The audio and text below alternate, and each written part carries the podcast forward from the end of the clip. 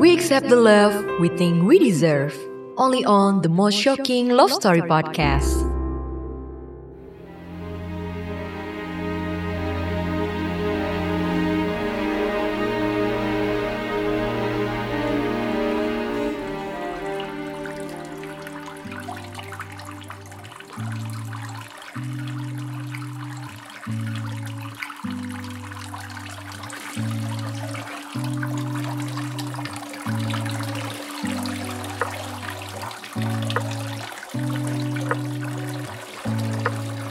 Senangnya.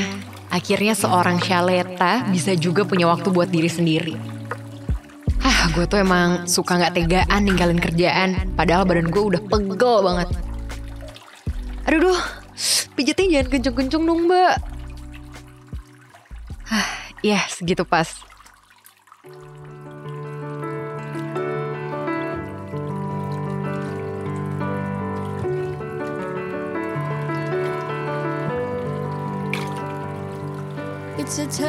Gathering kantor gue kali ini seru sih, tapi capeknya acaranya dibikin super padat. Mulai dari Jumat kita berangkat, sampai di lokasi hotel di Malang, workshop, terus jalan ke Bromo sebelum sunrise besoknya. Tidur cuma beberapa jam kan? Selesai itu, minggu malam langsung balik ke Jakarta. Karena Seninnya meeting sama head office. Tapi ya untungnya gue kerja di marketing and sales asuransi. Jadi nggak harus duduk di balik meja, yang penting achieve target. Jadi begitu kelar meeting, gue bisa melipir dulu ke tempat pijit refleksi keluarga, biar nggak masuk angin. Aduh, enaknya. Hah, gue tidur dulu ah.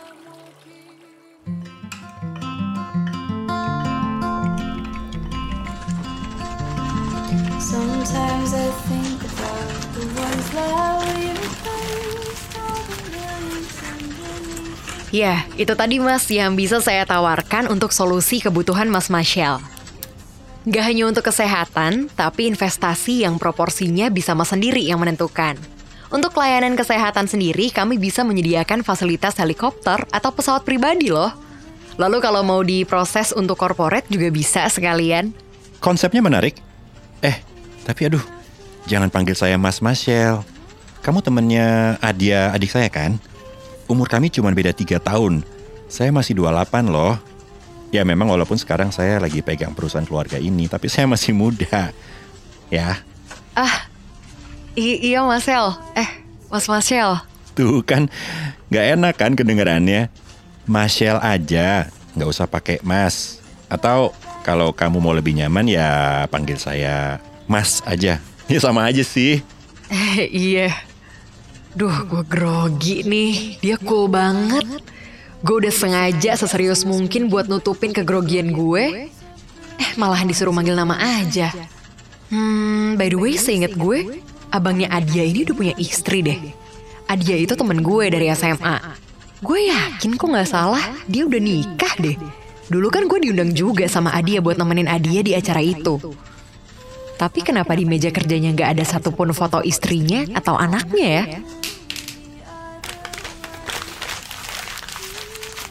Ada lagi? Eh, nggak deh mas. Eh, eh, oh iya barangkali mas mau juga produk kita yang buat keluarga, anak istri gitu. Eh, saya, saya belum ada anak sih, Syal. Untuk istri juga nggak perlu. Mampus gue salah ngomong kan, pakai gugup sih. Eh bisa gagal nih deal gue.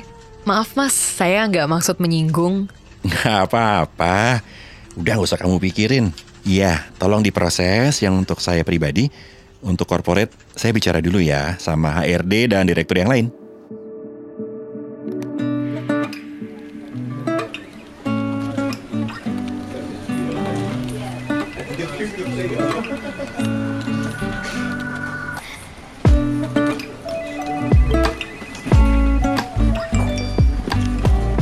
Gila, kenapa gue senyum-senyum lulu ya sejak ketemu Marshall? Apalagi karena untuk urusan asuransi, otomatis gue sama dia jadi tukeran nomor telepon. Akibatnya gue jadi sering kaget-kaget sendiri kalau ada bunyi WhatsApp. Karena terlalu berharap itu Marshall. Astaga, bisa gila nih gue ngarep banget. Eh tapi gak salah dong. Kan gue memang nunggu kabar kapan dia ada waktu untuk ketemu gue. Jadi gue bisa nganterin polis asuransi yang dia mau. Lumayan loh, ternyata gara-gara dia, direksi lain di perusahaan itu juga ambil polis di gue. Ke depannya bisa lah gue prospek lagi buat korporat. Asik. Eh, by the way, apa mending gue aja yang nanya ya? Ih, kenapa gue grogi banget sih? Biasanya juga gue nyantai sama yang lain. Ah, gue WhatsApp aja deh duluan.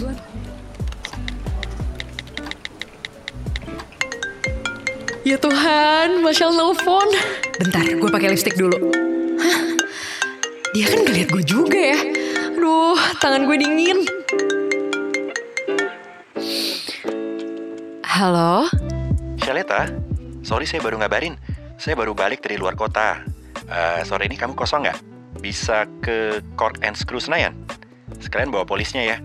Saya sama direksi yang lain mau ketemu orang di situ. Sekalian aja, kalau bisa. Siap mas, nanti saya ke sana. Jam berapa mas? Nanti saya WhatsApp ya.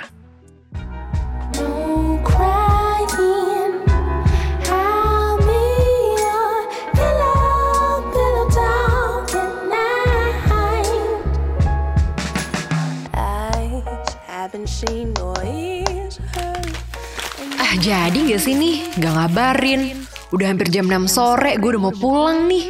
Ini kan masa prihatin corona. Kalau nggak perlu-perlu banget juga males gue ada di tempat umum. Belum ngabarin juga, alamat gak jadi deh. Ngerjain aja nih orang. Tahu gini gue bisa ngurusin klien yang lain dulu.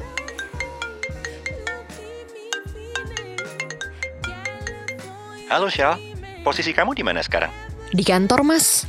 Kantor kamu di Kuningan kan? Iya mas. Pas kalau gitu. Ah, meetingnya masih belum selesai, tapi saya harus ketemu klien lain di Louis. Jadi meeting yang di Cork and Screw diterusin sama direktur yang lain, karena semua butuh cepet. Nah, kamu bisa ke sini nggak? Ke mana mas? Ke Louis, Shal. Kamu nggak konsen deh. Eh, bisa mas, bisa. Oke, saya tunggu ya.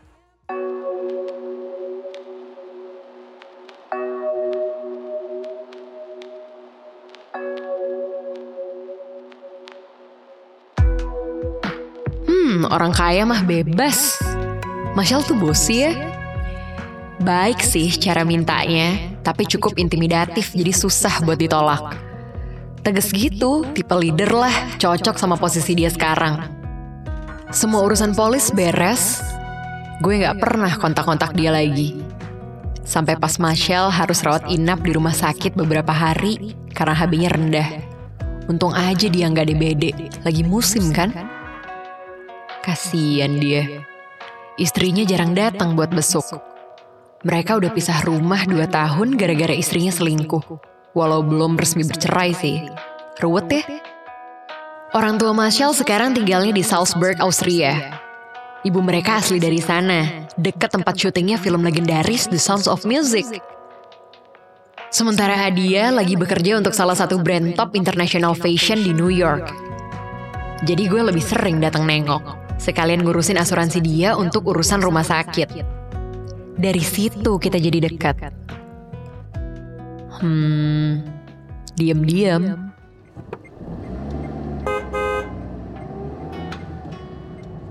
Kamu mikir apa sih? Diem banget. Abis kamu baru aja sembuh sakit tapi nekat nyetir sendiri. Aku bosen banget bed rest. Pengen banget makan menu Indonesia peranakan. Ada kamu juga kan soalnya. Kamu ngeyel susah kalau dikasih tahu. Eh, jangan cemberut gitu dong. Perlakuan Marshall ke gue itu manis. Dia pegang tangan gue, elus-elus punggung tangan gue, terus dia tarik tangan gue, dan cium tangan gue. Ah, Sumpah, gue deg-degan. Kamu tuh cerewet, tapi ngangenin ya.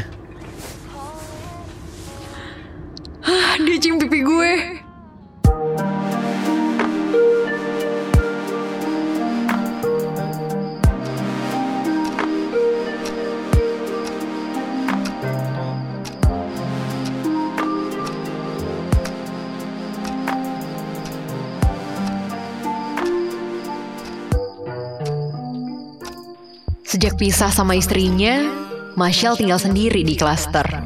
Untuk bersih-bersih ada ART tiap weekdays yang off tiap weekend. Jadi hampir tiap minggu gue ke rumahnya, nonton, masak bareng, atau apa aja deh buat quality time. Gue tahu ini janggal, tapi gue terlanjur sayang, apalagi kalau Marshall meluk gue kayak gini. Gue sayang banget sama dia. Shell, tidur yuk. Matiin lampunya. Hmm?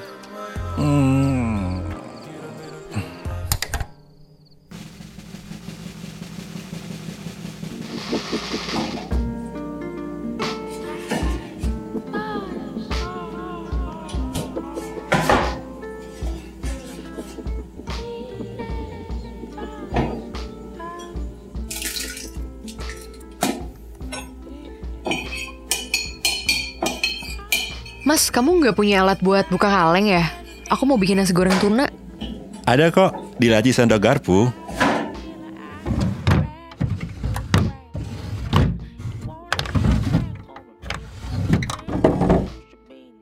Lipstick. Gak mungkin punya Simba. Masa Simba pakai Dior?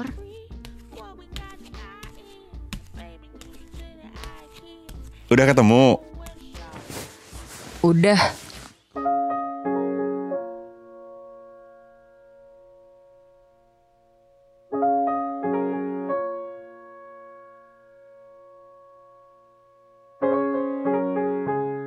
Kenapa? Gak enak badan? Kok lesu? Nggak apa-apa. Eh, Shell, lihat aku dong. Enggak, kamu nggak kayak gini. Aku tahu kamu, Shell. Aku nemu lipstick di laci tempat sendok garpu. Punya si Mbak kali. Mbak mana mungkin pakai Dior? Eh, iya mungkin punya Valia. Dia ke sini tiga hari yang lalu ada yang harus kami bicarakan, tapi nggak ada apa-apa, bener kok. Mana aku tahu ada apa-apa atau enggak. Aku ngerasa gak nyaman. Biar gimana pun dia masih sah istri kamu. Dan aku jadi orang ketiga di sini. Shaleta, kamu tahu itu nggak bener kan? Dia yang ninggalin aku loh. Dan aku sayang cuma sama kamu sekarang. Iya, tapi kan bisa nggak begini. Status kamu sama dia sah suami istri, tapi kenyataannya kamu jalannya sama aku. Kamu ngerti nggak sih rasanya? Iya, aku ngerti. Tapi kamu tahu kan, Shal, aku masih belum terlalu lama pegang perusahaan ini. Ada beberapa hal yang melibatkan tanda tangan Valia sebagai istri sahku yang masih berjalan sampai dengan sekarang. Semua butuh proses dan waktu, Shal. Sementara aku juga nggak mau kalau orang jadi fokus sama kehidupan rumah tanggaku, bukan sama kemampuanku bekerja dan perusahaan ini. Iya, aku paham. Semua nggak mudah, tapi aku nggak bisa kayak gini. Sementara kamu memikirkan nama baik kamu, lalu aku gimana? Kamu pikir aku nggak punya? Aku pulang ya, aku butuh waktu buat sendiri. It's hard for me to say. I'm jealous of the way you're happy without me.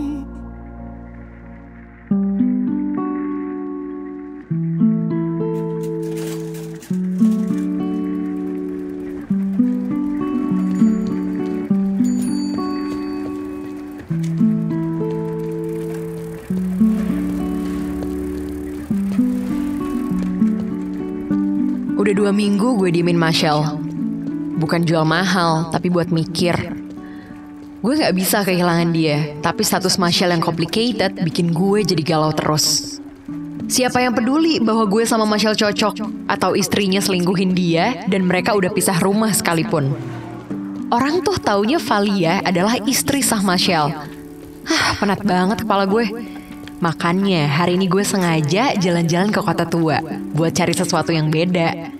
Biar nggak inget Marshall terus. Dia lagi. Hah, panas ya? Mending gue berteduh sambil beli es doger. Bang, esnya satu ya.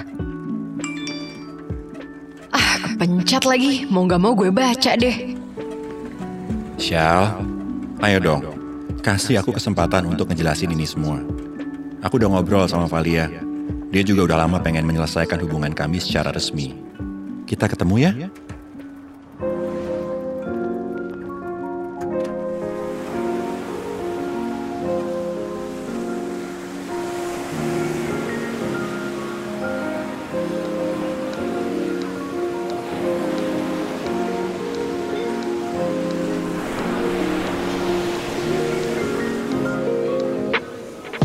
Minggu depan aku dan Valia mau ngurus perceraian kami.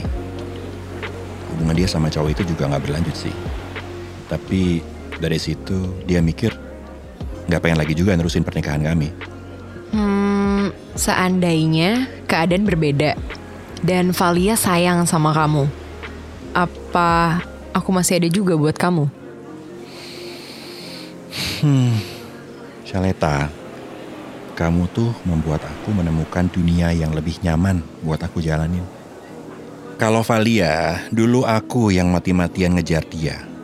Dia tuh nggak ada niat buat mau nikah. Walaupun untuk pacaran, hubungan kami bisa dibilang baik-baik aja sih. Atau mungkin lebih tepatnya aku tutup mata. Dia mau ngapain aja. Tadinya aku pikir dengan menikah dia bisa berubah.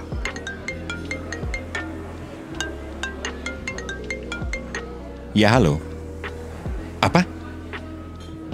Kecelakaan?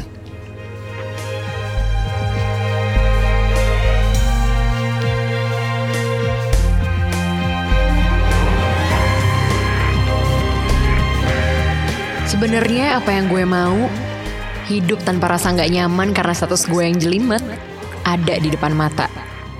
Keinginan gue untuk bebas dari status hubungan complicated, gue, Marshall, dan Valia akhirnya terwujud.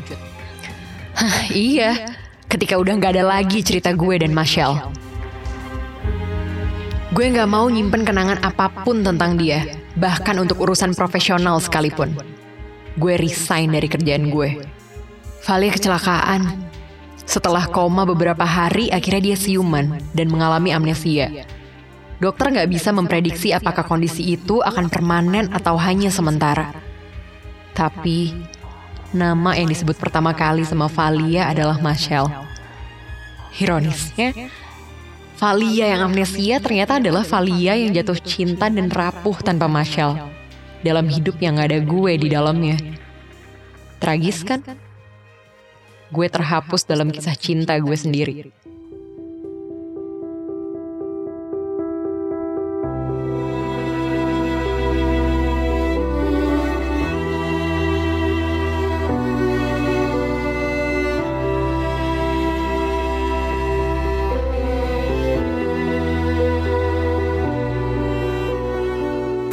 Found a way.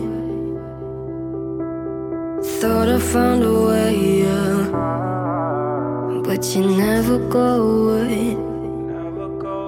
So I guess I gotta stay now. Oh, I hope someday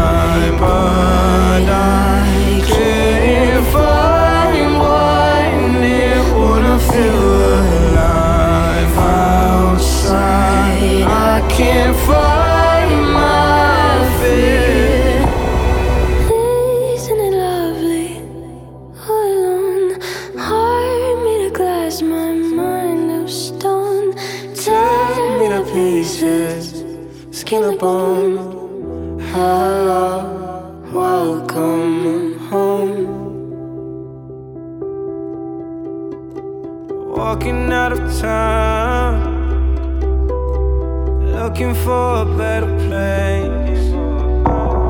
Something's on my mind, always in my head space. But I know someday I'll